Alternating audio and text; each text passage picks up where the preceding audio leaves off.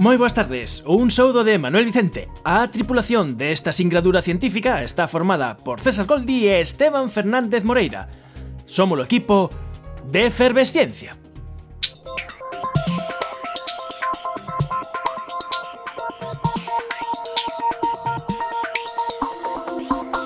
Contra optimismo, non hai vacinas.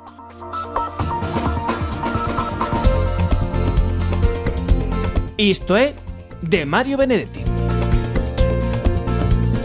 Sen vacinas, é seguro que ti que nos estás a escoitar na casa, ou vos que ides agora no coche, ou ti que baixáchelo o noso podcast e nos estás a ir no móvil de camiño algures, ou mesmo eu, por exemplo, sen vacinas, é ben certo que algún de nós non estaría aquí.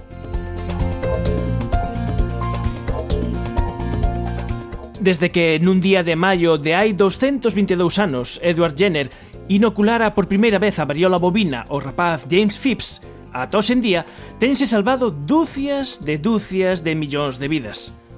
Pero como somos optimistas, queremos máis e moito máis. Gustaríanos ver unha vacina contra a sida, ou mellor dúas, unha preventiva e outra terapéutica. Sería fantástico dispor de vacinas contra diferentes tipos de cancro, alén da vacina do virus do papiloma humano E que dicir de ter unha vacina eficaz e testada completamente contra ébola ou o Zika? Nesta edición efervescente, coñeceremos en que estado están as investigacións para conseguir que estas vacinas sexan xa unha realidade. Benvidos á efervesciencia. Hai outros mundos, pero están neste. Efervesciencia. Doses de ciencias en contraindicacións. Patrocinado pola FECIT, Fundación Española para a Ciencia e a Tecnoloxía, Ministerio de Economía, Industria e Competitividade, unha colaboración da Universidade de Santiago e a Radio Galega.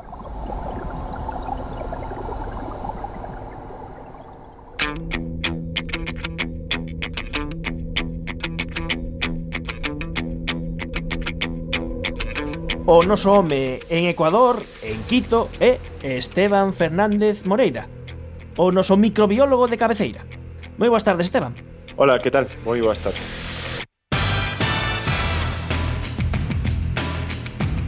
¿Has visto alguna de tus víctimas?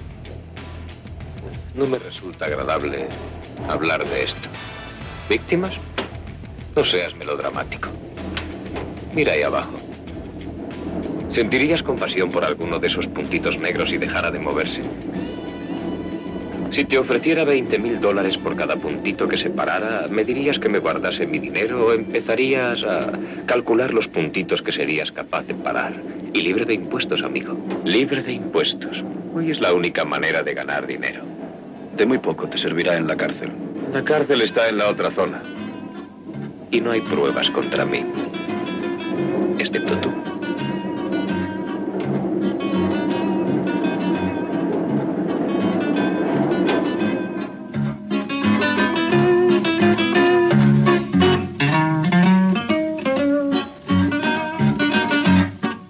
a mítica O terceiro home do magistral Orson Welles.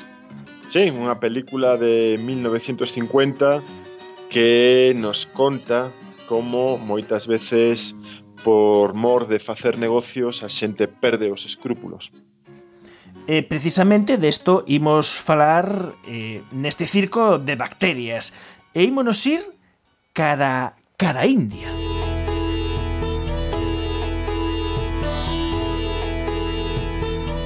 Sí, isto foi unha noticia que dun artigo de investigación que fixo a uh, The Bureau of Investigative Journalism, un, é unha periódico que fan reportaxes e decatáronse de que moitas das infeccións eh, bacterianas que teñen resistencias antibióticos veñen da India porque están facendo unha gandería moi industrializada que depende moitísimo dos, dos antibióticos para que os animais nos enfermen, sobre todo nas gran, granxas de polos, e logo, pois, claro, son eh, teñenlle que dar co pienso tantísimos antibióticos que ao final eh, nesas granxas aparecen eh, bacterias que son resistentes a antibióticos que son fundamentais para a nosa saúde digamos que na India hai prácticamente eh, barra libre para o uso do, dos antibióticos. Claro, estas compañías ríxense polas súas leis, non? E como non hai moito control, hai mm, compañías como, por exemplo, Benki. Benki é unha mm, compañía que o seu, a, a meirande parte do seu negocio é a produción de polos, pero tamén teñen eh, produción de antibióticos, obviamente eh, de uso gandeiro. Eh, ti, por exemplo, esos antibióticos son antibióticos que nos eh, empregamos como última barreira cando temos eh, bacterias que resistentes a todos os antibióticos. Por exemplo, a colistina. A colistina é un antibiótico que cando ti tes no hospital un paciente, por exemplo, con, con unha clepsiela resistente a todos os antibióticos, é o que lle das, non? Pois eles eh, empregan esta colistina masivamente eh, a venden. E, por exemplo, entras na, na páxina de Alibaba, esta páxina de que é como Amazon chinés, eh, podes comprar eh, a colistina pago, previo pago de tarxeta de crédito, non? É un antibiótico que fai moitas veces a diferencia entre a vida e a morte en, en humanos, non? E ali se emprega pois, para manter esas granxas inmensas de, de polos eh, sen infeccións. Un antibiótico que xa se coñece desde hai décadas e que non se ten utilizado masivamente precisamente polos seus efectos secundarios de tal xeito que o non se ter utilizado hai menos posibilidade de que haxa bacterias resistentes a ele. Claro, decir, había outros antibióticos moito mellores, non? O que pasa que co uso e moitas veces co abuso dos antibióticos empezaron pois a seleccionarse bacterias que, que resistentes a estes. Entón, eh, a colistina estaba aí E, claro, cando decatáronse que o único xeito de matar a determinado tipo de bacterias e colestina é que, é que se empezou a empregar este antibiótico de novo. O que pasa é que, claro, o mesmo que se emprega como eh, último recurso nos hospitais, non? Porque se emprega como último recurso porque ademais eh, un pouco tóxico, non é un dos mellores antibióticos, pero claro, é un antibiótico que, como non se pregou, non había bacterias resistentes. Uh -huh. E isto supón que a mortalidade, por exemplo, infantil na India eh, sí que estar disparada. Sí, de feito, de cada mm, tres nenos que morren no mundo mortes evitables, un, un deses nenos é indio, non?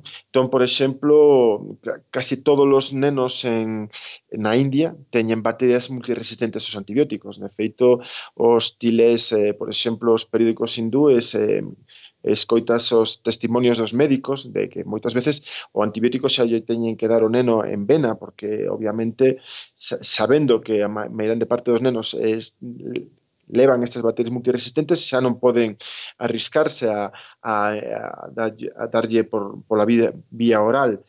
Se estima que morren pois eh, 58.000 nenos de, por causa de, de bacterias resistentes, non? É dicir, nenos que lle das o antibiótico, o antibiótico non funciona, e morren pois por neumonías, morren por meningitis, morren por, por infeccións eh, intestinais, diarreas, non?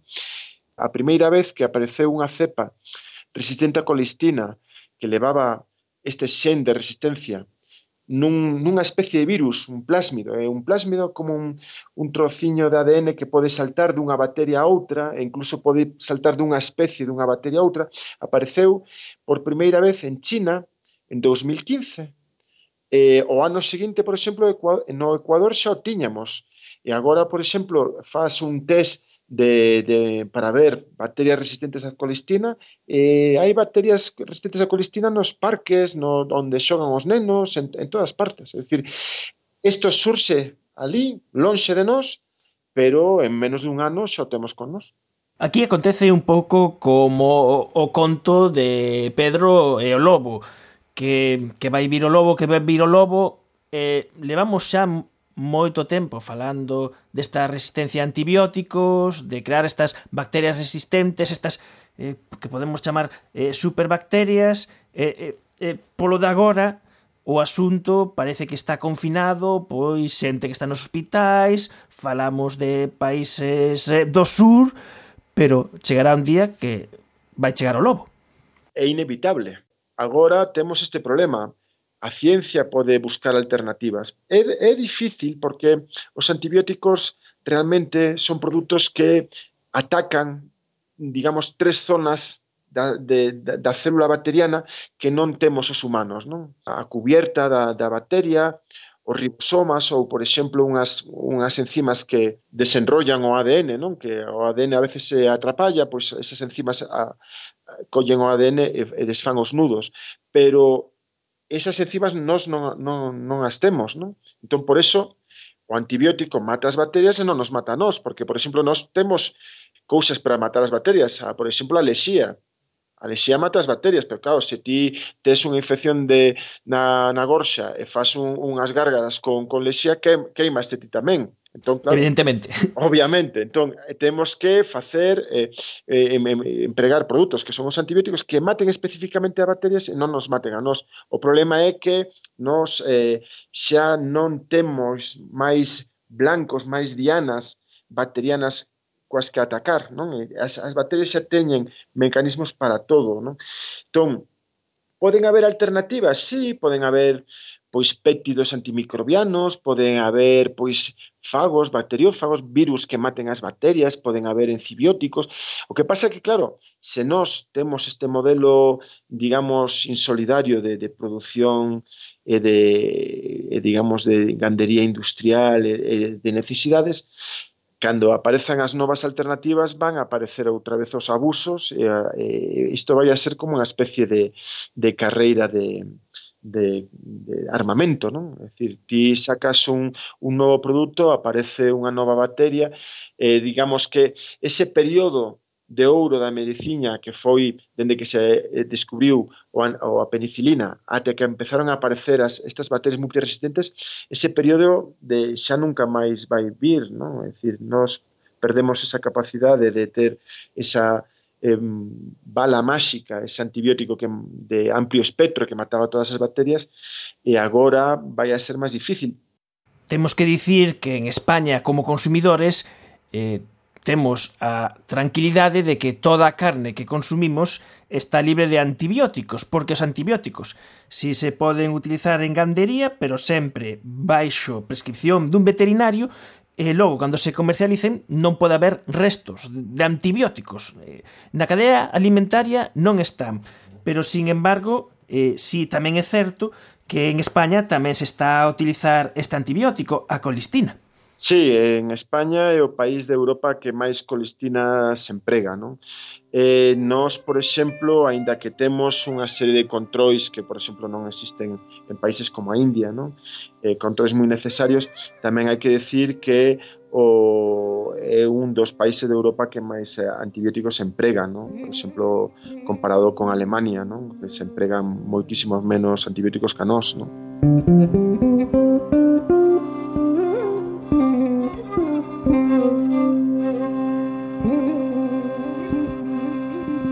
E xa que estivemos a falar da India, ilustramos sonoramente a nosa viaxe a este país asiático con esta música.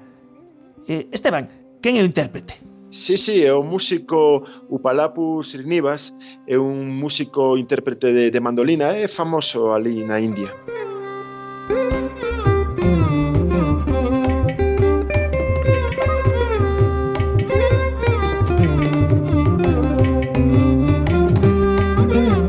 Este músico morreu aos 45 anos dunha infección causada por unha bacteria moi resistente aos antibióticos.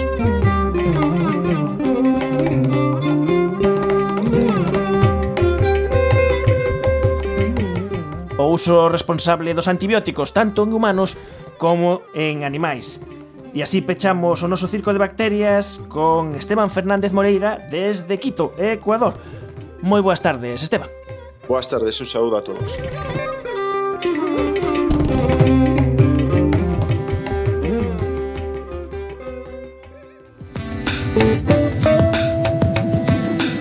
Pro tempo da conversa collemos o equipo portátil de efervescencia e vímonos o CIMUS da Universidade de Santiago.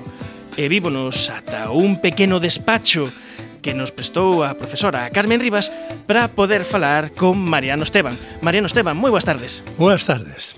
E vímonos por aquí porque eh, Mariano Esteban está facendo unha visita a Compostela para impartir un seminario científico sobre a súa especialidade, que son as vacinas. Mariano Esteban é profesor de investigación vinculado a Zonoren do Centro Nacional de Biotecnoloxía, CSIC, É presidente da Real Academia Nacional de Farmacia e do Instituto de España. E ademais, foi o líder do grupo Poxvirus e Vacinas do Centro Nacional de Biotecnoloxía. E se queres, Mariano, podemos empezar por aí. Que son os Poxvirus? Bueno, os Poxvirus son unha familia de virus que son los más grandes desde el punto de vista de virus que infectan a las células a, animales, es decir, células humanas, por ejemplo, y que tiene una característica muy importante desde el punto de vista de vacunas, y es que eh, fueron los virus que se, eh, se utilizaron para erradicar la enfermedad más mortífera que ha padecido la humanidad como fue la viruela. Afortunadamente, gracias a estos virus, eh, un virus ya más atenuados, se consiguió producir una vacuna que se utilizó a escala mundial para erradicar la única enfermedad humana que hemos conseguido eficazmente en este planeta. Que a variola, a variola que mm, afortunadamente grazas a, a investigación a unha campaña de inmunización mundial eh, conseguimos desbotala. E vos traballades con esa familia de, de virus, os virus, Eh, para vos, o bo que teñen estes virus é eh, que os convertides en aliados, os modificades, os hackeades precisamente para ser esa inmunidade. Eh, correcto. Eh, hasta hace mm, pocos años pues se consideraban los virus como los elementos agresivos que venían a atacarnos. Lo que hemos conseguido los investigadores es eh, domesticarlos. ¿Qué quiere decir? Que los, los hemos conocido en profundidad su comportamiento y en función de ello le hemos eliminado alguna de las partes más nocivas del virus, como hace un cirujano, el tratar de cortar zonas de su genoma, que es su ADN, y eh, de esta manera convertirlos ahora en un aliado. Eh, ¿De qué manera? Pues eh, ahora el, el, virus este lo utilizamos como una vacuna al conseguir que pueda expresar genes de otros patógenos y de esta manera conseguir que una vez inoculado en un organismo produzca anticuerpos o una respuesta celular que confiera luego protección a ese organismo frente a un ataque o una agresión por otro virus o otro patógeno. Neste proceso de produción de vacinas é un proceso extremadamente longo. Eh, está esa primeira parte onde vos deseñades o que a inmunidade que queredes crear, utilizades estes virus que chamades como vectores, eh, tedes que probalo no laboratorio, que pasa con, con células, logo ensaios eh, preclínicos, en modelos experimentales, en rato e mono, e logo ensaios clínicos. Estos son moitas partes, cada unha delas moi longa e complexa.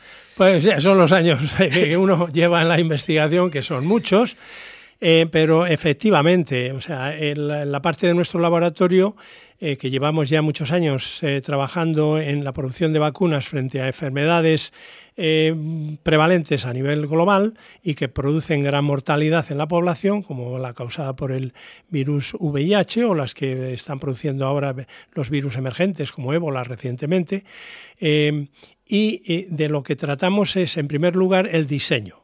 ¿Cómo concibes el diseño? Pues ahí está la labor del científico, es decir, el, tratar de eh, diseñar un antígeno, que sería que se produzcan proteínas en el organismo que eh, induzcan ese tipo de estimulación o entrenamiento del sistema inmunológico que son las células que van a producir los anticuerpos y que van a producir también las células que los linfocitos que van a reconocer a una célula infectada y con ese diseño lo llevamos en primer lugar a escala pequeña, es decir, preclínica, que llamamos en un modelo animal pequeño, que sería el ratón.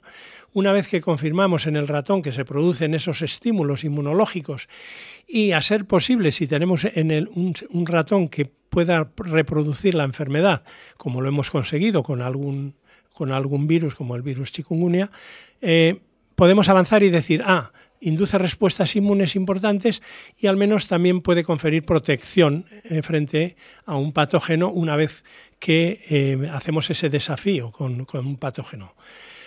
Una vez que hemos conseguido eso, pasamos a un modelo animal superior, más avanzado, como es el, el mono. Hacemos exactamente lo mismo, ver que confiere también una inmunidad y que si ese, ese animal, ese mono, ahora le, lo infectamos, hacemos un desafío con un patógeno, pues vamos a ver si hay protección. Si se consigue buena respuesta inmune y buena protección, pasamos al siguiente, que pasamos a humano. Y ahí ya iniciamos la fase clínica 1. Todo esto es un largo proceso, estoy hablando de muchos años, para llegar a fase clínica. Y ya en la fase clínica lo que demuestras es, en primer lugar, que tu vacuna eh, induce esa respuesta inmunológica, pero eh, hace falta ver eh, si esa respuesta inmunológica es satisfactoria y uno lo puede analizar pues con una serie de individuos voluntarios siempre. Sanos, en este caso. Sanos, para ver qué producen respuestas inmunes. Si esas respuestas inmunes son satisfactorias, en el caso del VIH, por ejemplo, que hemos utilizado una vacuna desarrollada por nosotros en el Centro Nacional de Biotecnología, eh, queremos ver si ahora en individuos infectados por el VIH, qué tipo de respuesta se induce. Y además, si esa respuesta puede conferir un control del, virus en, la persona infectada, porque sabemos que ese virus se integra en los cromosomas de esas personas y no hay, hasta el momento presente, no hay forma de eliminarlo. Eso es uno de los trabajos que hemos llevado a, efecto, pero eh, hemos conseguido un cierto control, pero no lo suficiente. Cuando planificamos que podíamos vir aquí o Cimus a falar con Mariano Esteban, a nosa colaboradora estrella, que é a boa de Einstein, la abuela de Einstein, dixo que quería vir. Moi boas tardes, a boa. Hola, boas tardes, que tal? Como estamos? En este momento é o momento sorpresa dos nosos convidados, Mariano Esteban, a sí, sí, de Einstein, sí. que tal? Moi ben, eh, que tal, Mariano? Moi ben. Mira, estou un pouco indignado, Manuel, porque leín outro día nas redes, xa sabes que eu sou moi curiosa, eh, nada máis o titular, non quixen seguir lendo, de un científico que decía que os queixos eran malísimos para a saúde, que era un mito. E pareceme moi injusto, sobre todo sabendo que Mariano ven dun pobo que é famoso polos queixos, de Villalón de Campos. Correcto. un pobo que, ademais de vos queixos, tamén dá fillos predilectos da categoría de Mariano. E eu estou intrigada de como un rapaz de pobo acaba vivindo no barrio de Hampstead e ten como viciños a Elizabeth Taylor, a Richard Barton, a Peter O'Toole e a Peter Sellers. Contanos que estou ansiosa por saber. Pues muy sencillo, porque eh, Mariano Esteban salió de, de esta ciudad de Santiago de Compostela eh, con una mochila cargada de entusiasmo, porque yo hice la tesis doctoral aquí en la facultad, en la antigua Facultad de Farmacia de Fonseca, en microbiología, y con esa emoción y esos años de, vida compostelana, universitaria, maravillosa, pues salí, eh, salí con mucha fuerza, con muchas ganas. Y eh, afortunadamente aterricé en el barrio más elitista de, Londres, que es en Hampstead. Y cuál no sería mi sorpresa cuando, cuando me empecé a, indagar y me decía, no, aquí vive Peter Sellers, ahí lo tienes enfrente y un poco más arriba está la, residencia de eh, Elizabeth Taylor y Richard Barton. En aquella, aquella, época, pues era impresionante tenerles allí y había muchos Rolls Royce. Pero ese oficio de Santiago, pues fue también para, para Londres y, y la verdad que, que, fue, fue una época maravillosa. Inicios de, de carreira eh, investigadora que desenvolveches eh, inicialmente en Londres e logo en Estados Unidos. Correcto. O sea, después de estar allí pues unos cuatro años en, en Londres, investigando en esa época, pues era lo que mm, uno de los compuestos que hemos contribuido de una forma muy importante a entender cómo actúa, que eran los interferones. En esa época nadie, muy poca gente creía que, que aquel tipo de moléculas hicieran algo. Y luego se demostró que, efectivamente eran moléculas fundamentales en la defensa del organismo contra los virus y contra otras agresiones. ¿no? Pero después de, cuatro años maravillosos, en una época excitante como era en, Londres de, la década de los 70, me fui a, los Estados Unidos y allí inicié otra etapa que era también muy distinta de la, de la inglesa, que es la etapa americana, donde ahí sí que te comes el mundo, ahí ya vas a por todas, ¿no? y, y, si no, si no te mueves con rapidez, vamos, te, te, te, pisan, pasan por encima de ti, o sea que eh, que en, en, ese sentido yo te digo que mi experiencia galega fue extraordinaria para, para saber, saber aguantar todo lo que se te venía detrás y, y, y, ahí establecí también muy buenos contactos con la Casa de Galicia en Nueva York y grandes amigos. Uh, y eh, em, empecé tam también una fase, primero en la Facultad de Medicina de la Universidad Rutgers y, y luego otra fase ya eh, en, después de otros casi cuatro años en, en Rutgers, en la Facultad de Medicina, que estaba en New Jersey, cerca de Nueva York, al lado. Eh, me trasladé a Gante, al, al, Centro de Biología Molecular, donde por primera vez acababan de secuenciar el genoma de un virus, que era el SV40, primer virus animal secuenciado. Y aquello también fue, fue tremendamente excitante para luego, mientras estaba allí, me ofrecieron, me llaman por teléfono y me dicen, oye Mariano, que nos gustaría que vinieras de profesor a la Facultad de Medicina de la Universidad del Estado de Nueva York, allí en, en, en Brooklyn, en Nueva York. Y vine a Santiago, vi que aquí las cosas todavía no se movían, uh -huh. muy lentas. Estaba yo en microbiología entonces, en Fonseca, y dije, yo no, no puedo esperarla. Eh, en esa balanza uh, estaba, estaba claro, yo peso de que eres joven Me y con, con ritmo americano. Eh... con rock and roll the American Way of Life. Eh... Sí, sí, sí, sí, efectivamente. Pero acabaste aquí montando Instituto de Biotecnología, ¿no? Centro Nacional de Biotecnología. Centro Nacional de, Bi de Biotecnología, ¿no? Pues sí. O sea, también dándote de cabezazos también, bueno, ¿no? Bueno, bueno, burocracia, bueno. Eh, con burocracia, digo por lo acento, ¿eh? Si tenía este acento, esa M burocracia. Eh. Bueno, pues eso fue también una fase eh, muy emocionante, porque estando en Nueva York me ofrecen la plaza de, de director del nuevo centro, que estaba todavía en construcción, ya casi finalizado. Y de, ya mis hijos eran pequeños, de 5 y 8 años, y era la única manera de meterles en, la, en el avión y traerlos para acá, porque si no, ya una vez que cogen el palo o el, um, eh, se ponen el gorro, los chicos ya no vuelven ni en broma, ¿no? A partir de los 12 años ya es muy difícil. Y he tenido compañeros, de hecho, también gallegos, que, que sus hijos crecieron un poco y a los 12, 13 años les dijeron, papá, mamá, iros a España, que nosotros somos americanos, nos quedamos. Es decir, que... Y entonces fue muy emocionante. Eh, eh, empezar con un centro que, que estaba todavía, yo fui, fui, la primera persona que se trasladó al nuevo centro en el campus de la Universidad Autónoma de Madrid.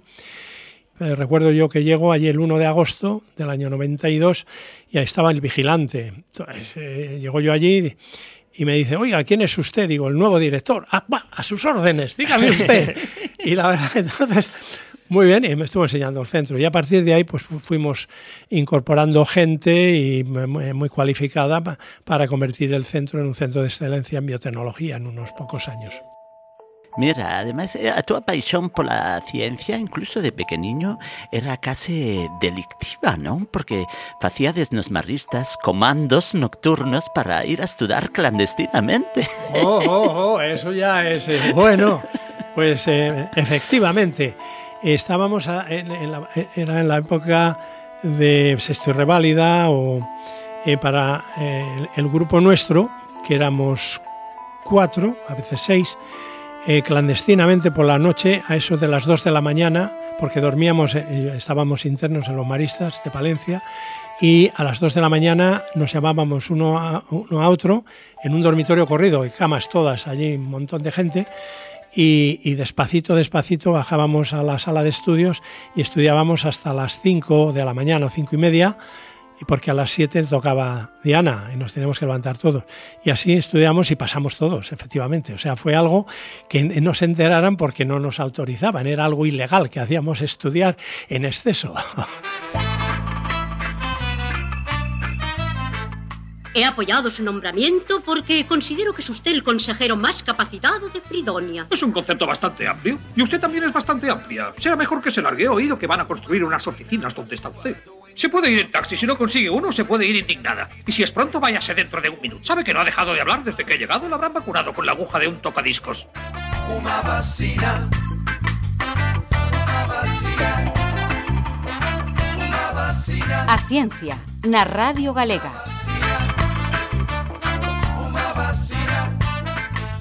Volvendo a máis pura actualidade, vimos de ver a noticia de que volve a resurdir o ébola eh, no Congo. E, e precisamente aí hai moitas leccións eh, para aprender, porque se hai esforzos moi importantes en desenvolver unha vacina eficaz contra a ébola, de feito, unha vacinación novedosa foi o que impediu que a anterior epidemia do 2014 eh, se propagase, pero quizáis ata que non llevemos as orellas ao lobo eh, non actuamos. Correcto, y ese es lo trágico de, eh, no hacemos caso hasta que la tragedia ocurre, que viene luego, ¿no?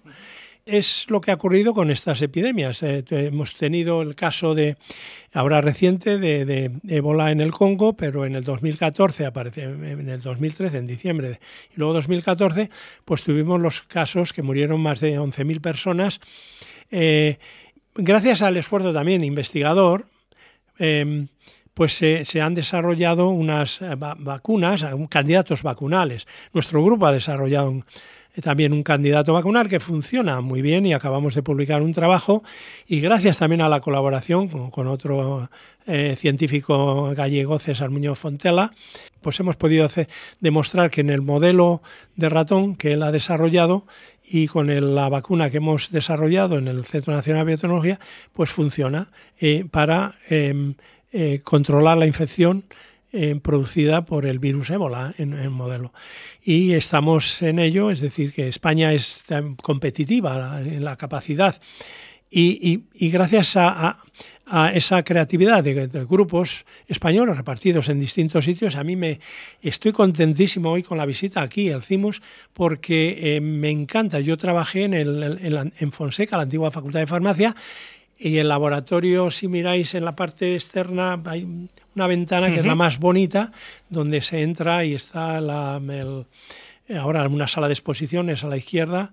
Eh, y, y es, es, ver cómo ha crecido la ciencia en Galicia. Me, me, me encanta, es una gran satisfacción ver cómo eh, jóvenes investigadores e investigadores ya establecidos han, eh, están estableciendo cantera de investigadores en, primeira línea de la investigación científica. E, e falabas no caso eh, concreto do virus do chikungunya que vos eh, si tedes eh, esa vacina demostrada que funcionan eh, nos modelos eh, e se necesita eh, ter financiamento e apoio para dar o seguinte paso, para facer as, os ensaios clínicos. Bueno, en, en este, con el virus chikungunya, que era totalmente desconocido, pues aparece también, de esto surge en África, en Tanzania, eh, Tanzania y luego en, en, la isla francesa la Reunión que fue donde tuvo una allí un, miles y miles de casos que se produjeron y luego se fue extendiendo por todos los continentes entonces producía una, unos dolores articulares tremendos que, do, que las personas que lo padecían eh, no podían ni caminar, estaban doblados, por eso el nombre de chikungunya. Y puede producir la muerte también. Y entonces nosotros, eh, también con un proyecto europeo, en colaboración con colegas eh, europeos, pues desarrollamos una vacuna en el laboratorio. Esta vacuna la demostramos en modelo de ratón que funcionaba, que protegía plenamente contra la infección por el virus chikungunya y, y luego pudimos, pudimos demostrar, también en colaboración con colegas europeos, que en monos también funcionaba.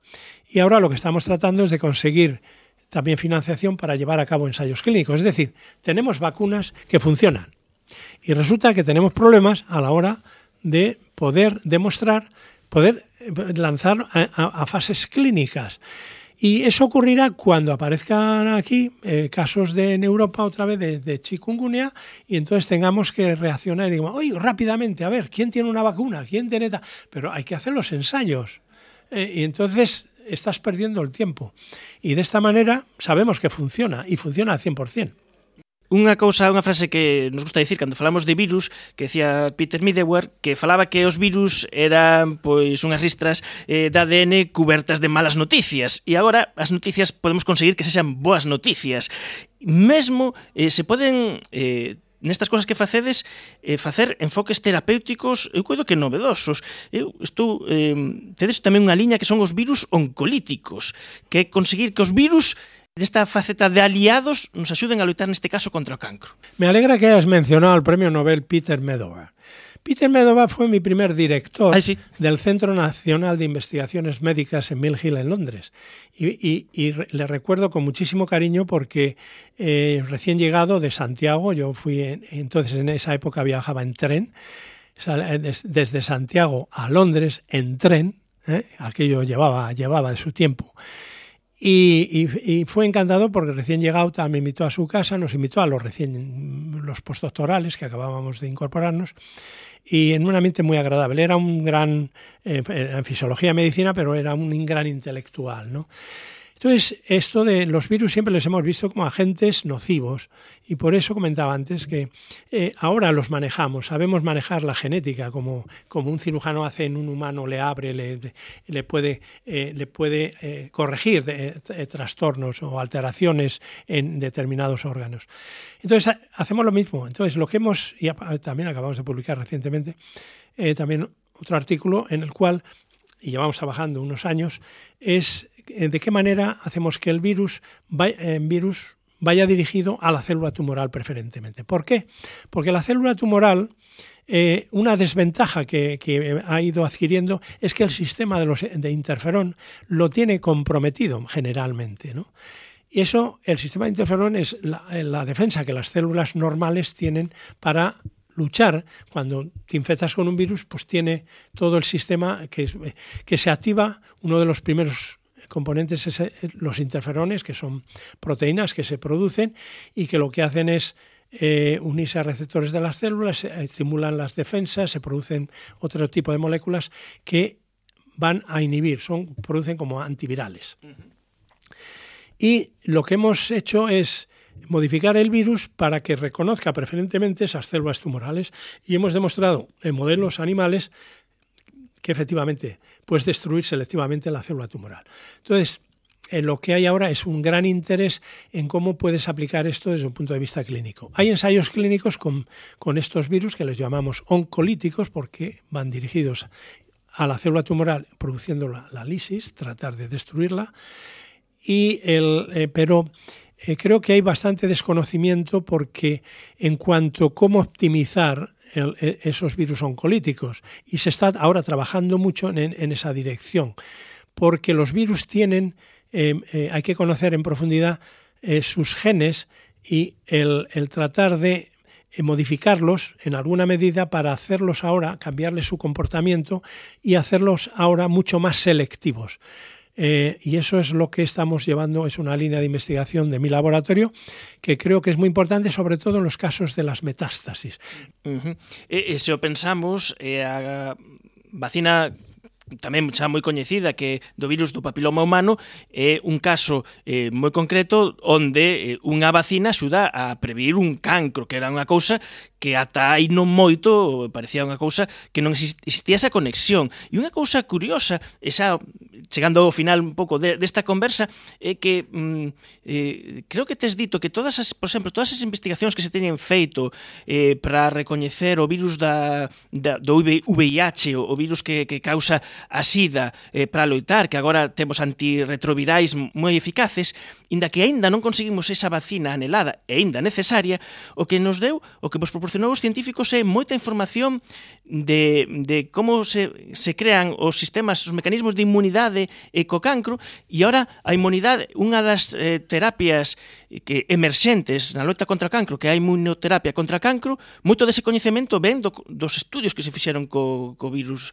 do VIH. Correcto. Eh, debo de, de, de señalar, de, despois de muchos años trabajando en este campo, que el, los estudios sobre el virus del VIH, el virus de la inmunodeficiencia humana, han aportado de, los mayores avances en la humanidad sobre eh, lo que son enfermedades en sí y es, es eh, eh, tratando de entender la enfermedad producida por el virus de la inmunodeficiencia. ¿Por qué? Porque es un virus que entra en el organismo, se integra en los cromosomas y ya permanece de, por vida. Y además suprime todo el sistema inmunológico, ataca las células claves de la, del sistema inmune, con lo cual eso nos está permitiendo entender cómo actúa el sistema inmunológico. Luego hemos avanzado grandemente, hemos avanzado en su biología, conocer todos sus genes. Y eso nos ha permitido, a nivel de la industria farmacéutica, desarrollar fármacos. Hay que acordarse, Rock Hudson y pues, muchas de las personas que murieron inicialmente era porque no teníamos todavía eh, fármacos antirretrovirales.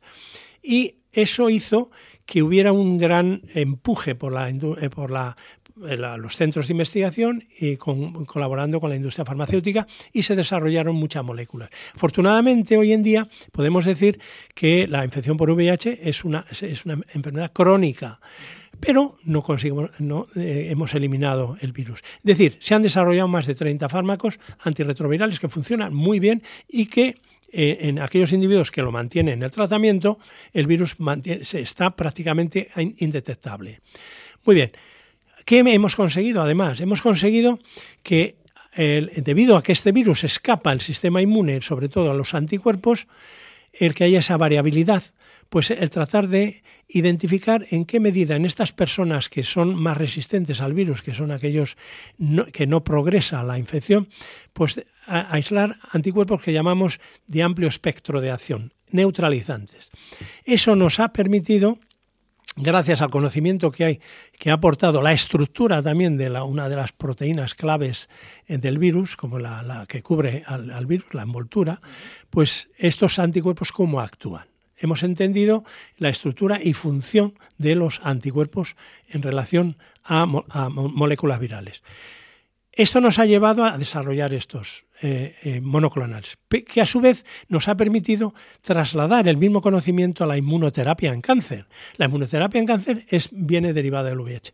Y el desarrollo y el éxito tremendo de las antivirales frente al virus de la hepatitis C, que hay 170 millones de personas infectadas, eh, personas que morían por eh, hepatocarcinomas, y, eh, resulta que ahora se están curando. Y es que cura. El- y eso, el diseño viene de, de la investigación en VIH. Es decir, que hay que ver, es como la enseñanza de los científicos cuando vas formando becarios, vas formando postdoctorales, vas formando gente, cómo se traduce este conocimiento en beneficio de la humanidad.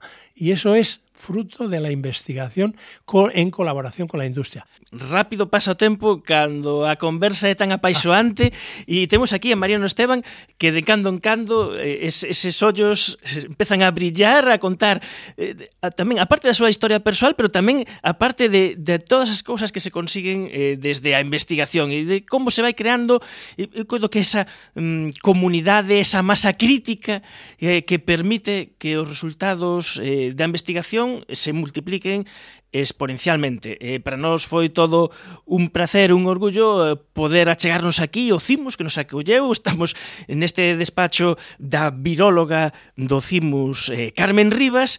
Eh, foi todo un placer poder ter esta, este tempo de conversa con Mariano Esteban. Moitas grazas por atendernos nesta pequena visita efervescente. que Pues ha sido un placer porque yo amo a Galicia, es para mí mi segunda casa. Yo estuve aquí 10 años y fue eh, algo extraordinario. Yo quiero esta tierra con todo corazón, así que moitas gracias. Bueno, pois eu agora cando volva a Valencia teño algo de que falar con Peter O'Toole, con Peter Sellers, e tomarme uns whiskies con eles.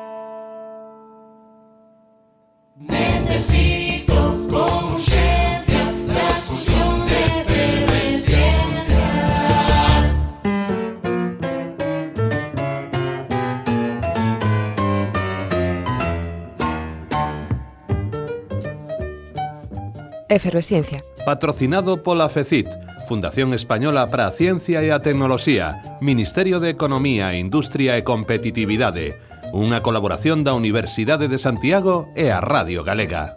Esta andaina efervescente quedounos un chisco máis pequena co habitual por causas da programación. Pero non vos preocupedes. A vindeira semana contaremos vos como nos infiltramos no Congreso Mundial de Prións e tamén habemos falar dos mellores libros de divulgación científica. Pero iso será o próximo domingo ás 3 da tarde na Radio Galega. Adeus.